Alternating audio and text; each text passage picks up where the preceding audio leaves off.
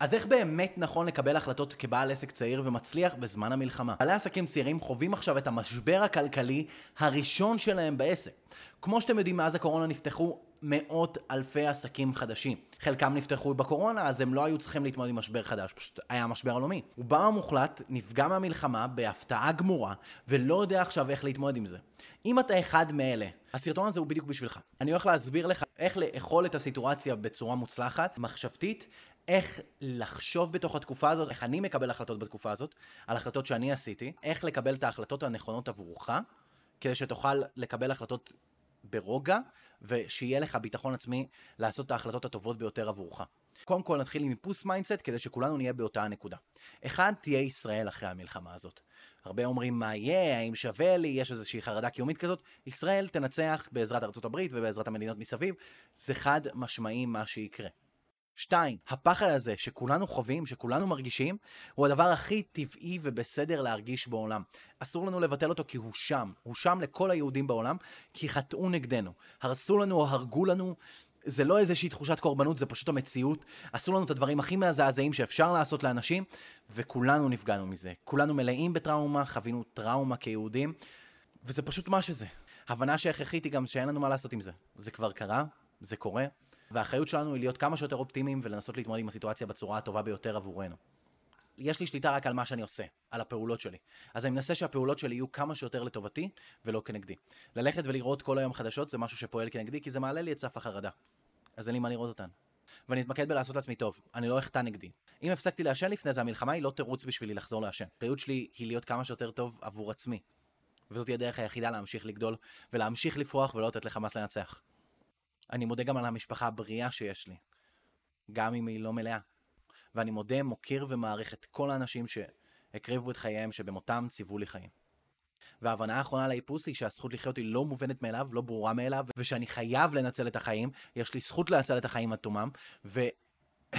אם לא, אני חוטא כנגד כל כך הרבה אנשים. מתוך תחושת האחריות הגדולה הזאת, אני רוצה לנצל את ההזדמנות הזאת שנקראת החיים. את סוגי ההחלטות שאני צריך לקבל, אני מחלק לכמה סוגים. ההחלטות שקשורות לזמן ואנרגיה, אני משקיע את כולן במחשבות על היום אחרי.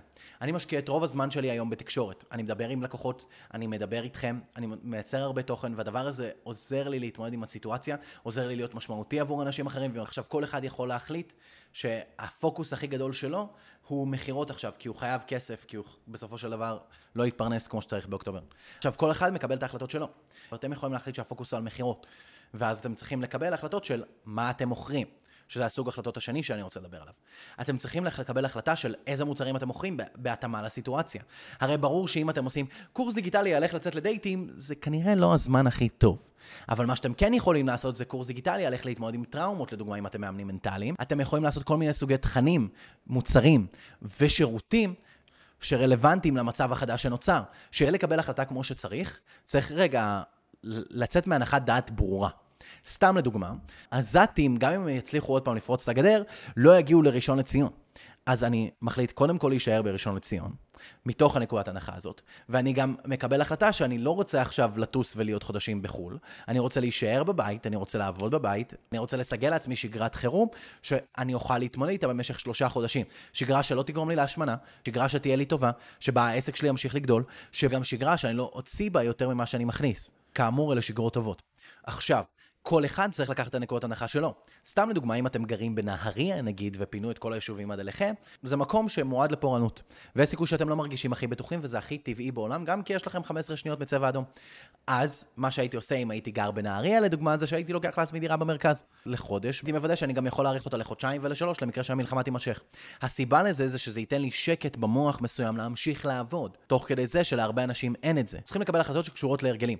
מה יהיו ההרגלים החדשים שאנחנו צריכים להכניס לחיים החיים שלנו, שנכפו עלינו כתוצאה מהמלחמה, כמו סתם לדוגמה לבדוק את הלו"ז של חמאס. אנחנו צריכים לבדוק האם בעיר שלנו מפציצים בדרך כלל ב-12 בצהריים, אם אנחנו רוצים לצאת לריצה ב-12 לצהריים. אלה הרגלים שבסופו של דבר יעזרו לנו להרגיש הרבה יותר בטוחים. כי ביטחון בסופו של דבר מבוסס על הרגלים. גם הצלחה מבוססת על הרגלים. אז אם נחליט מראש על מה ההרגלים שאנחנו רוצים להכניס, או מה ההרגלים שאנחנו רוצים להיות לנו, אנחנו נהיה באיזושהי השתפרות מתמדת לאט לאט לעבר המטרה שלנו, וככה באמת נוכל לנצל את הזמן שלנו בבית עד תום. אם יש סוגי החלטות שלא דיברתי עליהם, שאתם נתקעים איתם, שאתם לא מצליחים לפתור, התלבטויות שקשה לכם לקבל את ההחלטה הסופית עליהן, תנסו ליצור לעצמכם איזה שהן הנחות שיעזרו לכם לקבל את ההחלטה הזאת. הדבר הזה בדרך כלל אומר, טוב, אני לא יודע באמת מה יקרה, כי אני לא רואה את העתיד, אבל על פי המידע שיש לי, מה אני יכול להניח? ואז על פי זה אפשר להמשיך הלאה. לפעמים גם עוזר פשוט לכתוב את כל המידע ולסדר אותו בצורה מסודרת על דף. כמו סתם לדוגמה רשימה של הנחות, ובגדול מה השאלה שאני צריך לפתור, ואז מה ההחלטה ומה התוקף של ההחלטה הזאת. סתם לדוגמה, אם החלטתי שאני יוצא מנהריה לנתניה, לכמה זמן אני יוצא. האם אני יוצא לחודש, האם אני יוצא לחודשיים, האם אני עובר לגור שם, האם, האם אני עכשיו מעתיק את כל החיים שלי ועושה רילוקיישן לנתניה, כי נמאס לי לגור 15 קילומטר מהגבול.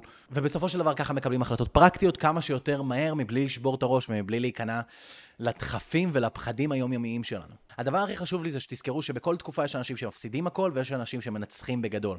האחריות שלכם היא סך הכל לבחור צד ולעשות את המקסימום שאתם יכולים בשביל להרוויח כמה שיותר ובשביל לנצח. אני פה בשבילכם באינסטגרם ובפייסבוק, זמין לכם לגמרי להתייעצויות, לשאלות, להתלבטויות ולרעיונות וכל מה שתצטרכו ממני בעצם. קוראים לי אדם ברש, אין לי שום דבר למכור לכם גם בתקופה הזאת, וביחד ננצח. תשמרו על עצמכם.